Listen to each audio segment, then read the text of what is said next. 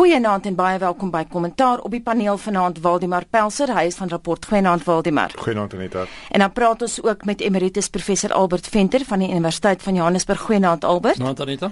En telefonies gesels ons met professor Willie Breitenberg by die Universiteit van Stellenbosch. Naand Willie. Goeienaand Anita. En dan ons vierde paneel het vir 'n baie spesifieke rede en dit is Kar en uh, sy naam is Helmut Romer Heitman. Ons het die heel week op Monitor en Spectrum met hom gesels. Goeienaand Helmut. Hi, good evening. Ek gaan vinnig die nuuslys gee vir Waldemar, baie vinnig deur dit en dan uh, beweeg ons na internasionale nuus toe.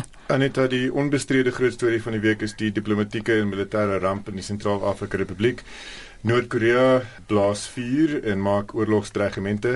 Hier ter plaatse was daar twee hofsaake waarin die polisie seëges gehad het. Andri Statane geen skuldbevindings vir sy dood nie, Fred van der Vyver nog geblaps en dan het die BRICS-beraad ten einde geloop in Durban.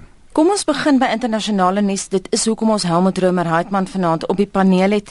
Kar, die Sentraal-Afrikaanse Republiek was groot nuus hierdie week en uh, die Sondagkoerant het baie daarmee baljaar as dit die korrekte woord is. Helmut, kom ons begin by jou. Dit lyk na 'n groot fout. So yes and no. I think the the original decision to deploy first of all was pretty much forced on President Zuma by the existing MOU. That that of course is another story. And was probably pretty elegantly handled. A small force went in strong enough to protect the training team, evacuated if necessary, and was just tipped the balance to cause the rebels to think about running straight into Bangui city back in January and seizing the town with probably an inadequate force leading to fighting in the city, general chaos, more than we're experiencing now, etc. Actually forced them or persuaded them to enter negotiations.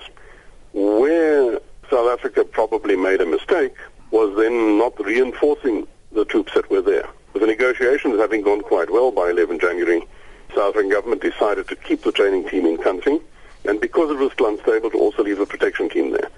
But they don't seem to have given thought to the possibility that things might get a lot worse rather suddenly. When they did, that left a very, a very small force with mainly light weapons,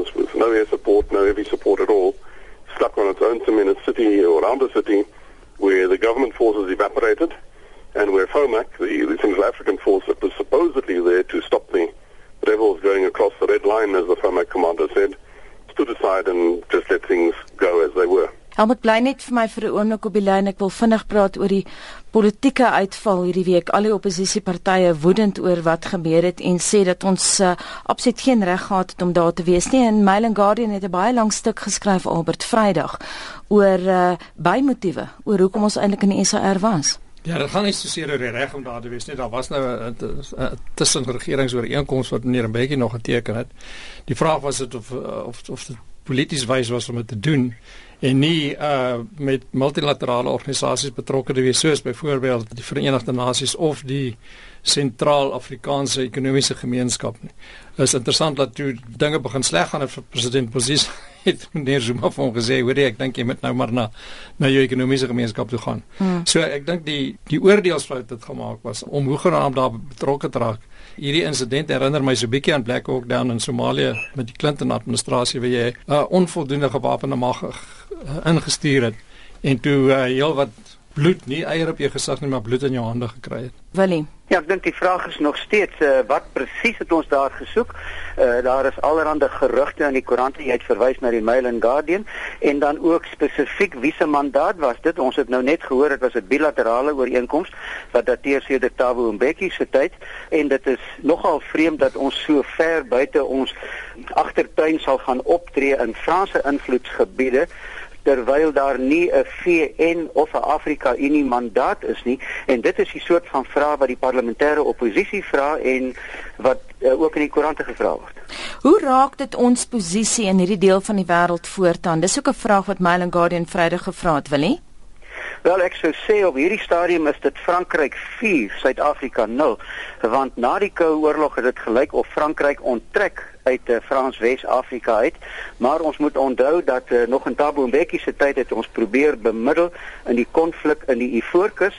Thabo Mbeki was ten gunste van 'n regering van nasionale eenheidsmodel, eintlik ten gunste van Gbagbo en die Franse kandidaat Katara het gewen.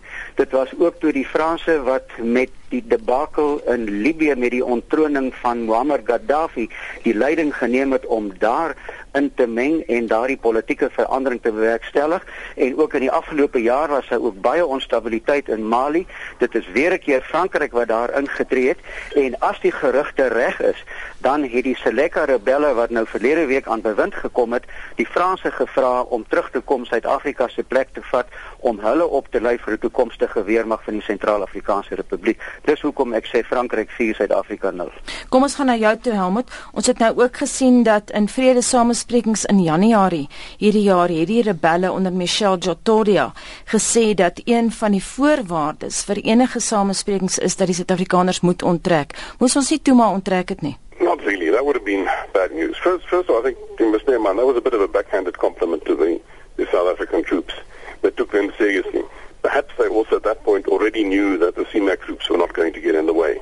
So the South Africans were the only real obstacle. But the problem was for South Africa, if South Africa wants to position itself as a regional player, and we fought hard to get the chair of the AU Commission, we keep saying we should be the guys to get a, permanent African seat in the UN Security Council, etc we couldn't really simply decide we'll ignore uh, its military assistance MOU with the country and go home because there's a little bit of shooting. That would have looked bad. I think also two other aspects to remember. It's far from home, but the CER is on the border of the DRC, which is a SADC member with whom we have a defense agreement, a SADC, a mutual defense treaty or agreement, and certainly total chaos in the CER would impact on the DRC and on our interests there. Also, it's not the first time South Africa has acted unilaterally without a UN or AU mandate. Remember Burundi. Mm. South Africa went in there on its own. The AU and the UN got involved afterwards. The deal that the dust will have to settle before the details come out.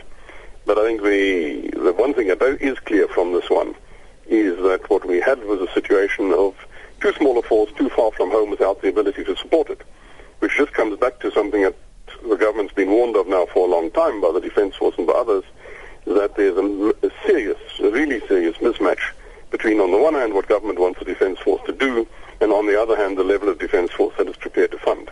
Waldemar. En dit is presies die punt ons ambisies in Afrika is besig om te groei. Met die week se BRICS praat ook dit is baie duidelik dat ons wil graag ons spiere bult. Maar die begroting vir die gewapende magte en vir die, die departement van verdediging krimp elke jaar. Ons operasionele vermoë is elke jaar maarder en skraler as wat die, as wat dit die vorige jaar was.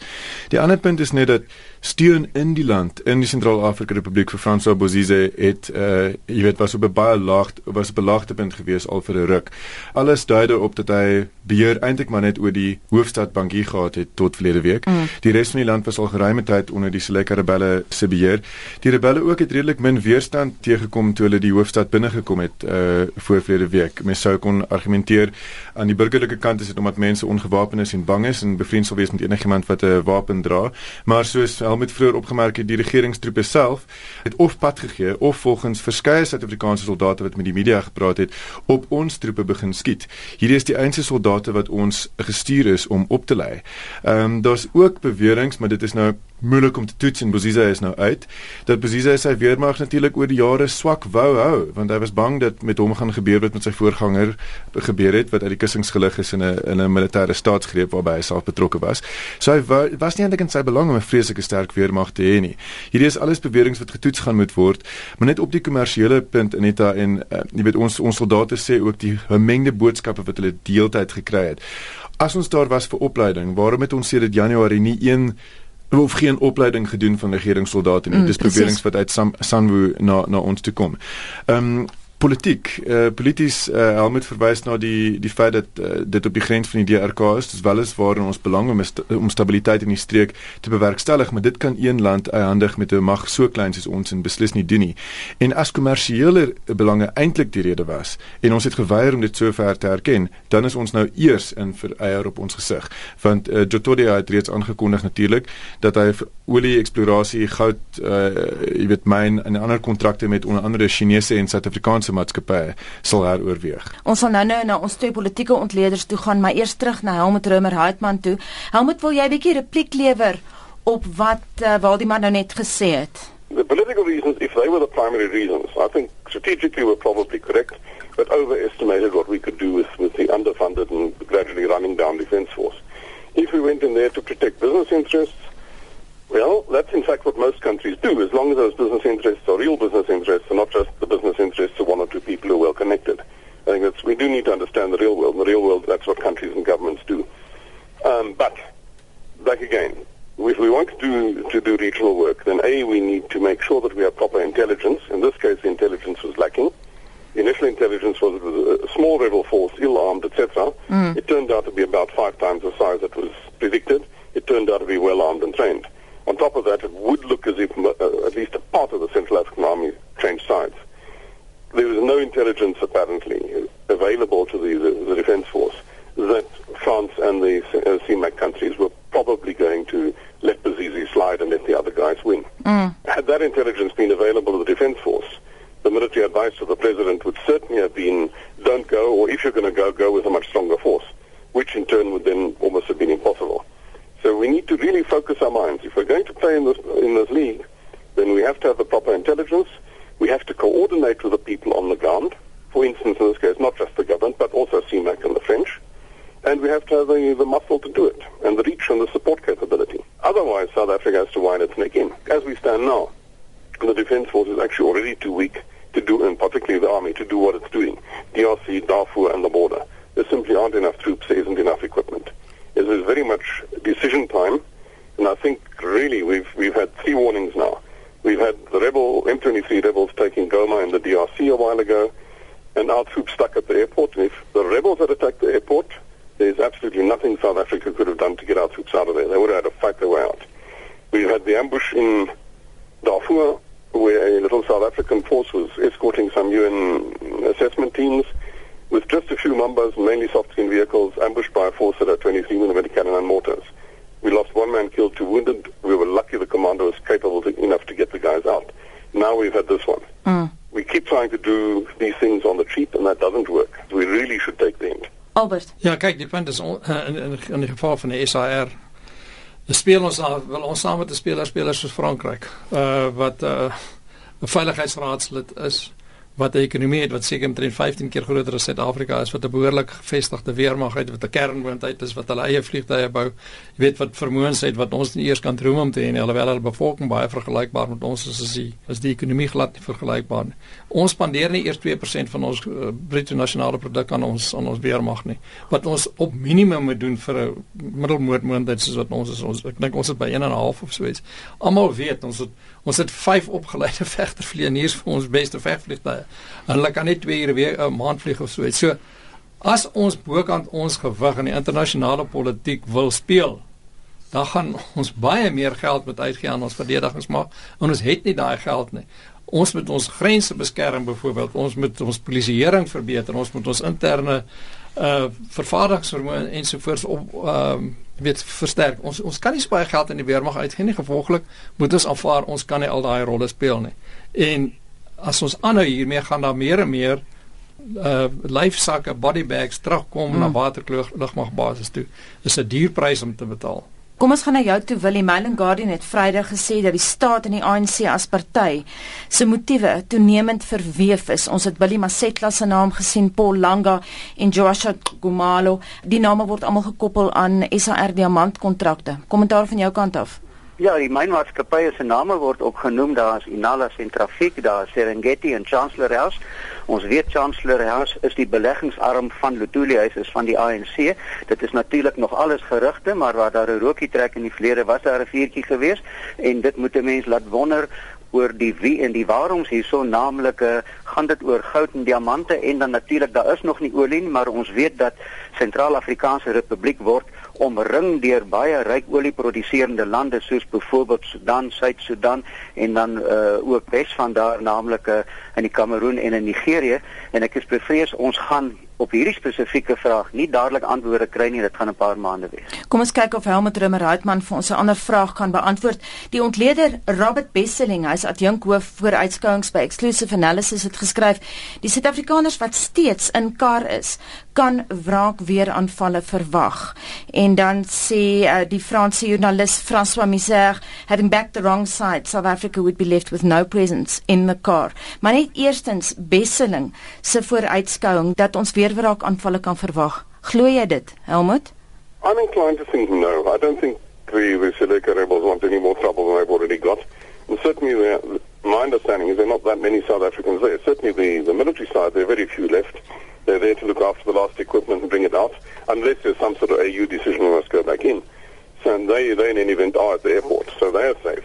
Insofar as South African civilians are concerned, I spoke to someone just a couple of days ago who's done business there, who tells me there are actually very few there. I suspect they're probably okay. I'm, I might, I might well be wrong, but I think they're okay. I may just make one more comment. You know, while we while we focus on the whys and the wherefores, and we sent in too small a force and everything else, I do think it's worth making the point that the troops we sent, from the force commander right down to the most junior rank there, really did exceedingly well. It's one of the most hard-fought actions this, this army has ever gone through. It is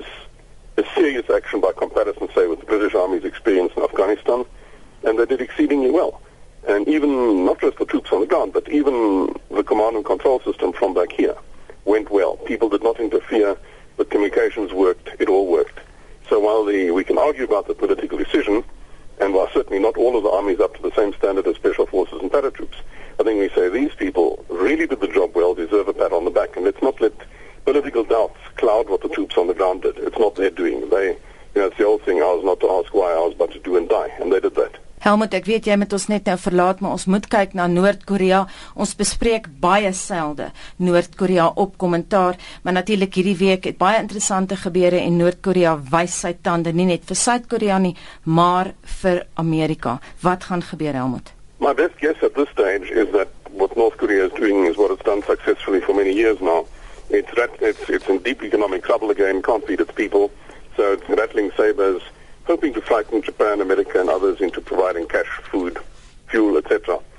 The problem is at this stage you have a, rather unfortunate combination of a very young, still insecure, and probably not particularly capable head of state, who's gone sort of from being a playboy being to being head of this rather weird country, mm. on the one hand, and on the other hand, a military leadership that is becoming a little little senile, so heading on for early onset dementia, and none of them can afford to lose power because if they lose power, they're in deep trouble. And I'm tempted to, if I may close on a slightly humorous note, we wonder what the North Koreans are doing. Look at that man's haircut and then be scared. Voordat jy eh, tot sien sê een vinnige vraag. Kim Jong Un het nou gesê dat hulle in 'n staat van oorlog met Suid-Korea verkeer en ons weet ook dat daar aktiwiteite by die missiele basisse is en hulle praat van moontlike aanvalle op Guam en Hawaii hoe gaan die saak om uitspeel? Van dan kan ons vir jou tot sien sê nou kan ons na die politieke ontleeders gaan. Look I don't I don't think that actually stupid enough to launch any missiles at anybody. Um that really would be bad. That would be stupid. That certainly South Korea would react violently and America would have to take some sort of steps as well. Bear in mind too that Japan this very pacifist country Japan which actually is quite large military has not that long ago said if if they ever see a demonstration that North Korea actually has nuclear weapons, they will take out those nuclear weapons by invasion if necessary. But just to, to wrap, we must also bear in mind that in fact the state of war between North Korea and South Korea has been ongoing since the Korean War. Mm. It's never ended. There's only been a ceasefire. The, the United States also is still technically at war with North Korea. So we're talking semantics here. And while I'm at it, South Africa still has a undertaking a commitment to provide a fighter squadron for operations in South Korea should the war restart. Quite how we're going to do that is a good question. That whole North Korean South Korean border has been very volatile for a very long time. There's a lot of shoot 'em ups that we don't read about. Now and then you do, such as when North Korea recently torpedoed and sank a, a South Korean corvette. But we don't always hear the special forces people going in and out. So I think what you'll get is probably a bit of escalation of that sort of stuff. Some rattling of sabers around the missile sites and then probably the West will once again start providing food, fuel, and money, and it'll it'll all go away for a little while. Baie dankie en so sê Helmut Römer Heitman van Giants Defence Weekly dit is 'n Britse militêre tydskrif en hy het spesifiek vanaand gepraat oor Kar en natuurlik Noord-Korea. Kom ons gaan vinnig na jou toe. Ek sien jy wil al lankal iets sê Waldemar en dan gaan ons na Albert toe. Anita ja, ons was nog laas by Sentraal-Afrika Republiek net laasens een punt daaroor om kommersiële belange te beskerm is nie 'n probleem nie soos Helmut gesê het, maar dan moet dit aan die parlement voorgelê word. Dit hmm. moet deel wees van die rede vir oorlog. Dit gebeur egter nooit nie. Dis 'n naïewe wens. 10 jaar gelede met die inval in Irak is olie nooit genoem nie. Uh dit dit het gegaan oor die uh stuit van 'n program wat nooit bestaan het nie om wapens van massavernietiging te ontwikkel. En uh die keer sou jy weet as die regering gesê het ons gaan om hierdie kontrak met dig oil en hierdie goud uh, myn en so aan te beskerm, dan sou die parlement waarskynlik nie sy blessing gegee het vir die ingryping daar in die eerste plek nie. Dit net oor kan net wat no wat Noord-Korea betref inderdaad die haarstel van Kim Jong Un is baie koddig. Ehm um, maar dit klink tog asof jy weet Amerika kan nie net omdat hy 'n koddige uh, mannetjie is um, aflag nie. Dis die probleem. Ehm mm. um, soos hulle sê, jy weet daar daar is 'n uh daar is 'n credible threat in die sin dat hy is wel bewapen. Jy weet hulle het 'n bewese militêre vermoë. So mens kan nie net aanvaar dat hy nie sal uh uitvoering gee aan enige van sy regimente nie. En dit is hoekom Amerika ook die week gesê het hulle neem dit ernstig op. Mm. Noord-Korea moet weet natuurlik dat die reaksie sal vernietigend wees. Wel die groot ding Albert is dat die Chinese en die Russe is bekommerd. Beide lande het meer as een keer gevra vir kalmte. Ja, onthou ons net terug gaan na die Koreaanse oorlog toe uh nee die 50ste kant toe. Toe sommige van ons daar almal gelewe het. die Koreaanse oorlog het ongeveer net die 50 uh, ontstaan. So dit is meer byna 60 jaar gelede, meer as 60 jaar gelede. Ehm um, die was die Chinese, dit was daai tyd natuurlik onder Mao Zedong was was die Chinese die groot ondersteuner en het het, het die Russe nie daarbey betrokke geraak nie omdat hulle daai dag net by Verenigde Nasies se Veiligheidsraad was nie en kon die Amerikaners met 'n VN-resolusie ingaan. Let mm. wel, 'n VN-resolusie het hulle mee ingegaan. En China is eintlik die die enigste, hoe sal ons sê, die groot broer wat nog op 'n manier hulle hand oor Noord-Korea hou. En in baie opsigte dink ek maak die Amerikaners die fout deur nie die probleem grootendeels vir die Chinese te gee en te laat oplos nie en die Japaneese meer betrokke te maak nie. Ehm um, ek dink dit sou diplomatiek baie beter wees as die Amerikaners dit oorlaat aan die Chinese om daardie koddige klein broertjie van hulle uh, onder beheer te hou. China kan ook nie bekostig dat uh, dinge heeltemal verkeerd loop in Noord-Korea nie, want gaan al die arm Noord-Koreane net oor die grens wip mm. na China toe. So ek dink daar moet baie groter klem gelê word op die Chinese se rol in Noord-Korea om hulle te stabiliseer en in toom te hou as wat die Amerikaners die hele tyd ook spiese ek weet nie wat die cyberrattling in Afrikaans mm. klink van okay, so spiesrateling. Willie? Ek dink die die probleem in Noord-Korea gaan tot 'n groot konflik lei nie. Ek dink dit is soos wat Helmut en soos wat Albert gesê het, dit gaan oor 'n regionale ding. China het 'n bepalende invloed wat die uitwerking gaan wees en Amerika moet nie ooreageer as iemand met 'n groot kuif hulle dryf nie. Ja ja, kom ons gaan daarmee oor uh, terug na Suid-Afrikaanse nuus toe. Ons het nou vanaand 'n bietjie uh, eers internasionale nuus gepraat wat ons baie selde doen, maar dit was tog uitsonderlike internasionale nuus. Kom ons kyk na die 5de BRICS-beraad en ek gee nou die bal vir jou Waldemar. Was dit 'n sukses soos wat ons uh, leierskap dit uh, beskryf het gister? Anita, ek dink in die lig van die die die eintlike wins vir Suid-Afrika hier is uh is profiel, ons internasionale profiel. Die feit dat ons soos wat uh, Dirk Kotse van the Beijing Access laasweek 'n rapport geskryf het, ons is klein bietjie soos die sukkelende akteur wat met die groot Hollywood sterre afgeneem word op dieselfde mm. verhoog. Dit was vir ons profiel goed. Dis jammer dit het saamgeval met die drama in die Sentraal-Afrika Republiek. Dit het die nuus die week oorheers. Ons beskou dit as 'n oorwinning onder andere omdat of eerder as 'n sukses onder andere omdat daar 'n 'n mate van ooreenstemming nou is dat die BRICS ontwikkelingsbank op die been gebring gaan word. Ehm um, die besonderhede hiervan is nog nie bepaal nie. Daar is groot pogings van Suid-Afrika dat dit hier gebaseer moet word. Ja. Maar die idee is ehm um, om die befondsingsbesluite vir ontwikkelende ekonomieë maar veral vir D5 bietjie te skuif weg van die Wes-Afrika van die Bretton Woods uh organisasie die IMF en die Wêreldbank om 'n reusagtige fonds te skep wat lande wat in die moeilikheid beland en die pekel beland sal kan help om weer likwid te word. So daar was sekere deurbrake, ehm um, maar uh jy weet die nuus is maar oorheers deur 'n konflik elders. Albert, ons sien ook dat Suid-Afrika en Rusland nege bilaterale ooreenkomste onderteken het. Ja, een of twee wat baie interessant is daar. Die een is dat uh, daar ooreenkomste is dat ons Russiese helikopters wat in Afrika gebruik word, uh, sal diens. Dit is goeie nuus. Ek dink is vir Denel as ek dit reg het. Die ander een is natuurlik 'n interessanter een wat ek nie ek het gister dink ek in die Johannesburg verstaar gesien is dat uh, Rusland en ons het gesê ons wil 'n OPEC tipe kartel vorm met die platinum groep metale. Wat ook 'n interessante wending is. My uh, algemene voorbou oor BRICS is egter is weer eens die probleem. Ons probeer saam met die groot ouens speel. Ek by as jy as jy kyk na die twee Asiatiese lande wat betrokke is China en Rusland mm. saam as 'n mens kyk na die wêreld op die, die, die net die geografiese oppervlakte plus 'n bevolking saam met Indië dit is geweldige groot state met gewellige groot markte. Veral die Chinese het geweldig baie spaargeld en ek dink die Russe het dit nou ook. Die Indiërs het ook al meer spaargeld as wat hulle gehad het in 1990 toe amper bankrot geraak het. Ons het nie die spaargeld Nou dan nou die Engelse uitdrukking van you, you pays the piper calls the tune. Mm. As die BRICS ontwikkelingsbank tot stand gebring word, sal ons baie weinig tot die kapitaal kan bydra. Ons sal waarskynlik geld by die Chinese moet leen om die kapitaal by te dra. En ons sal gemarginaliseer wees in so 'n ontwikkelingsbank in terme van die bydrae in terme. Dis dieselfde wat die die Afrika blok en die ander Asiatiese blokke byvoorbeeld ook het oor die internasionale monetaire fonds en die wêreldbank. Ons sê dis altyd Amerikaner en 'n Fransman of 'n Europeër wat aangestel word as die hoofde van die bank omdat hulle van die belangrike bydraes maak.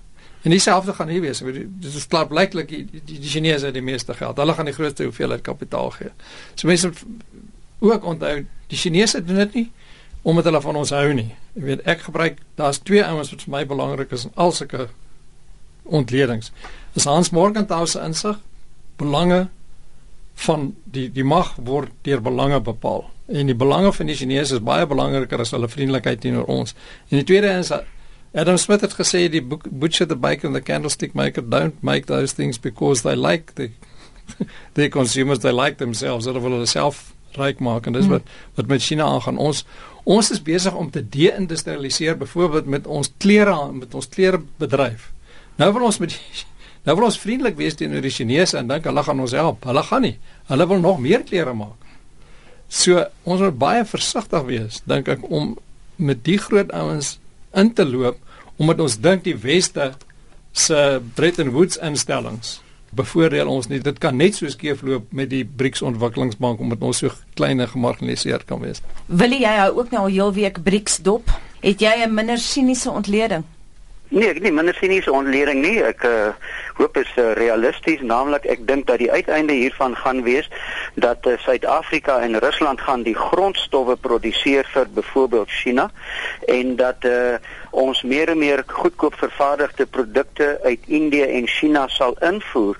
Ek dink dit is waar die nasionale belange lê. Dit is die een punt wat ek wil maak en die ander punt wat ek wil maak is ek dink dat Washington, dit is nou die Verenigde State, Brussel, dit is die Europese Unie en Tokio, dit is Japan, is 'n bietjie onrustig oor hierdie uh verwikkelinge want uh Uh, hulle is die moonthede wat 'n dominante rol speel in die Bretton Woods instellings naamlik die internasionale monetaire fonds en die wêreldbank en duidelik is hierdie BRICS ontwikkelingsbank wat nog vorentoe gaan kom ek dink nie dit gaan gou-gou gebeur nie uh gaan 'n teenpool vir hierdie westers georiënteerde instellings wees en dit hou natuurlik allerlei implikasies in vir verdere magsverskuiwings van uh wes na oos en natuurlik van noord na suid Waldemar. Anita, so 'n paar weke gelede het 'n uh, diplomaat van die uh, Departement Internasionale Samewerking 'n groep joernaliste en redakteurs toegespreek in Kaapstad en vreeslik uh, mooi gepraat oor BRICS en hoe fantasties dit is dat Suid-Afrika hiervan deel is. En uh Mpumelelo Mkabela wat Sowetan's uh, redakteur is, kyk om te so in 'n stadium en sê dis nou goed en wel om goeie verhoudings met die lande te hê. Maar is ons nie eintlik veronderstel om met die lande te kompeteer nie? wel watter mate van soos hulle sê co-opetition is vir ons gesond.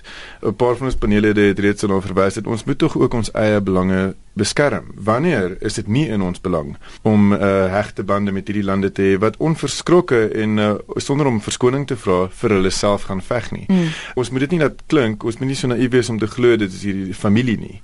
Ons is 'n poort na die res van Afrika vir byvoorbeeld China en tot 'n mate vir Indië. Daar's ook ander lande Turkye en dis meer wat groot spelers word. Maar hulle is hier vir hulle eie belang en ons moet seker wees dat ons nie omdat ons 'n uh, lekker Cabernet drink met Xi Jinping, jy weet, in Hilton in Durban, sê fine, vat Newcastle oor en vir Brasilia sê, "Goed, stuur julle hoenders." Jy weet ons ons julle hoenders en julle suiker, wil ons dit regtig hê. So ons moet baie versigtig wees dat ons nie so ons is uit hierdie warm gloed omtrent ons, ons so trots dat ons lid is van hierdie familie. Maar jy weet daar glip allerlei goed by die slaapkamer deur in wat eintlik nie vir ons goed is nie. Nou jy myne skieurig, wat was die antwoord van die departement aan die Sowetan toe? Toe hulle die vraag vra, wat word daartoe gesê? 'n baie gepoleerde geim en gea. Willie, kom ons gaan net vinnig terug na jou toe. Wil jy 'n finale woord oor oor BRICS sê? Ja, ek dink die uh, ooreenkoms tussen Suid-Afrika en Rusland wat nog 'n ooreenkoms moet word oor die samewerking rondom platinum verwante metale en minerale gaan op die langer duur goeie nuus vir Marikana aan Rustenburg wees want dit is waar dit is waar ons platinum koninkryk lê. En dan uh, natuurlik uh, wat Suid-Afrika en China betref is die hoof fokus op infrastruktuur. En daar staan die name van Transnet en die Nywerheidsontwikkelingskoöperasie en die vergroting van die Richards Baai hawe met ook skeepsbou fasiliteite daar. Met ander woorde ek sien 'n inspuiting vir daardie gedeelte van die wêreld. En dan natuurlik wag ons al baie lank al vir die verbetering van spoorverbindings in die Oos-Transvaal se Mpumalanga se uh, steenkoolvelde. En uh, uh die uh, ooreenkomste tussen Suid-Afrika en China gaan waarskynlik daardie prosesse versnel. Nou ons sal definitief weer oor BRICS praat op kommentaar, maar ons praat nie aldag oor IDASA nie en hierdie week is die sluiting van IDASA aangekondig. Dit laat my dink Albert aan Frederik van Sail Slabbert wat dikwels aan hierdie program deelgeneem het. Dit was natuurlik van Sail Slabbert se baba Albert. Ja, kyk, die die, die probleem is vir ehm um, instellings soos IDASA en ander wat ek nou nie se name sal noem nie want ek voel net nie voorgee dat hulle ook uh, finansiële moeilikheid het. Dit is afhanklik van donateursgeld. En Suid-Afrika is nou gedemokratiseer. Ons gaan volgende jaar na die 20 jarige weet dit is die, dit is 20 jaar na die eerste verkiesing van 1994. So buitelandse donateurs het nou ander belange en daar's ander prioriteite ook vir donateurs byvoorbeeld soos vigs en ander gesondheidsvraagstukke in Suid-Afrika wat vir hulle op 'n prioriteitslys veel hoër lê as 'n uh, noem dit nou maar nie heeltemal ideologiese nie maar 'n ideologiese en 'n uh, politiek teoretiese instelling wat demokrasie in Suid-Afrika moet bevorder. Nie dat ons dit nie nodig het nie, maar jy moet verstaan donateurs het ander prioriteite ontwikkel en ek dink dit is die dilemma. Die ander een is waarskynlik ook as mense hoor hoe veel geld wat nodig is, wat soms gebeur met sulke donateurs gedrewe instellings, daar's te veel personeel, daar's nie 'n winsmotief nie, daar's nie 'n motief om ekonomies met die geld te werk nie. Hulle word eh, sogenaamd ekonomies vet en donateurs sê net nie ek ek weet nie of dit die feite is van die daas nie maar dit is die moontlike omstandighede. So al wat ek dit is jammer dat die, die deure dalk sal moet sluit. Ek kan nie sien dat donateurs skielik na vore toe gaan kom tussen 20 en 50 miljoen rand van gee nie. mm veral nie Europese donateurs en daar is eenvoudig nie geld nie. Waar ja, daar da is nou baie min geld, maar een van die uh, meer strukturele probleme hier is dat die manier waarop donateurs projekte en organisasies, nie regeringsorganisasies befonds is altyd baie korttermyn. Hmm. Dis baie selde dat daar beloftes gemaak word oor baie jare heen. Elke donateur wil graag in sy of dit maatskappy is in sy jaarverslag en of dit 'n regering is dan in sy ontwikkelingsagentskap se se jaarverslag sê ons het daai projek begin en daai projek begin. Niemand wil ooit iemand anders se projek befonds nie. So, daar is 'n proliferasie, 'n fragmentering en so aan van projekte. Dit is reg oor die wêreld die mm. geval. Mm. Ander punt is net dat die mense met die harte vir nie-regeringsorganisasies en vir veg vir demokrasie is nie noodwendig altyd die beste managers of bestuurders nie. Dit is net 'n punt wat ek wil parkeer. Dis nie 'n aanklag spesifiek teen die DASA nie. Mm. Maar net net net net oor wat met die DASA se mandaat gebeur het. Alex Bourain wat saam met Frederik van Salslab dit begin het skryf vandag in 'n rapport dat in 1987 in Dakar, jy weet, was hulle groot oomblik toe hulle mm. uh, Afrikaners en die ANC met mekaar verenig het daar, jy weet, gesprekke aan die gang gekry het en dis meer. Dit was toe daar sulke tipe inisiatiewe was baie skaars. Okay, en jy kan net iets wat skaars is verkoop.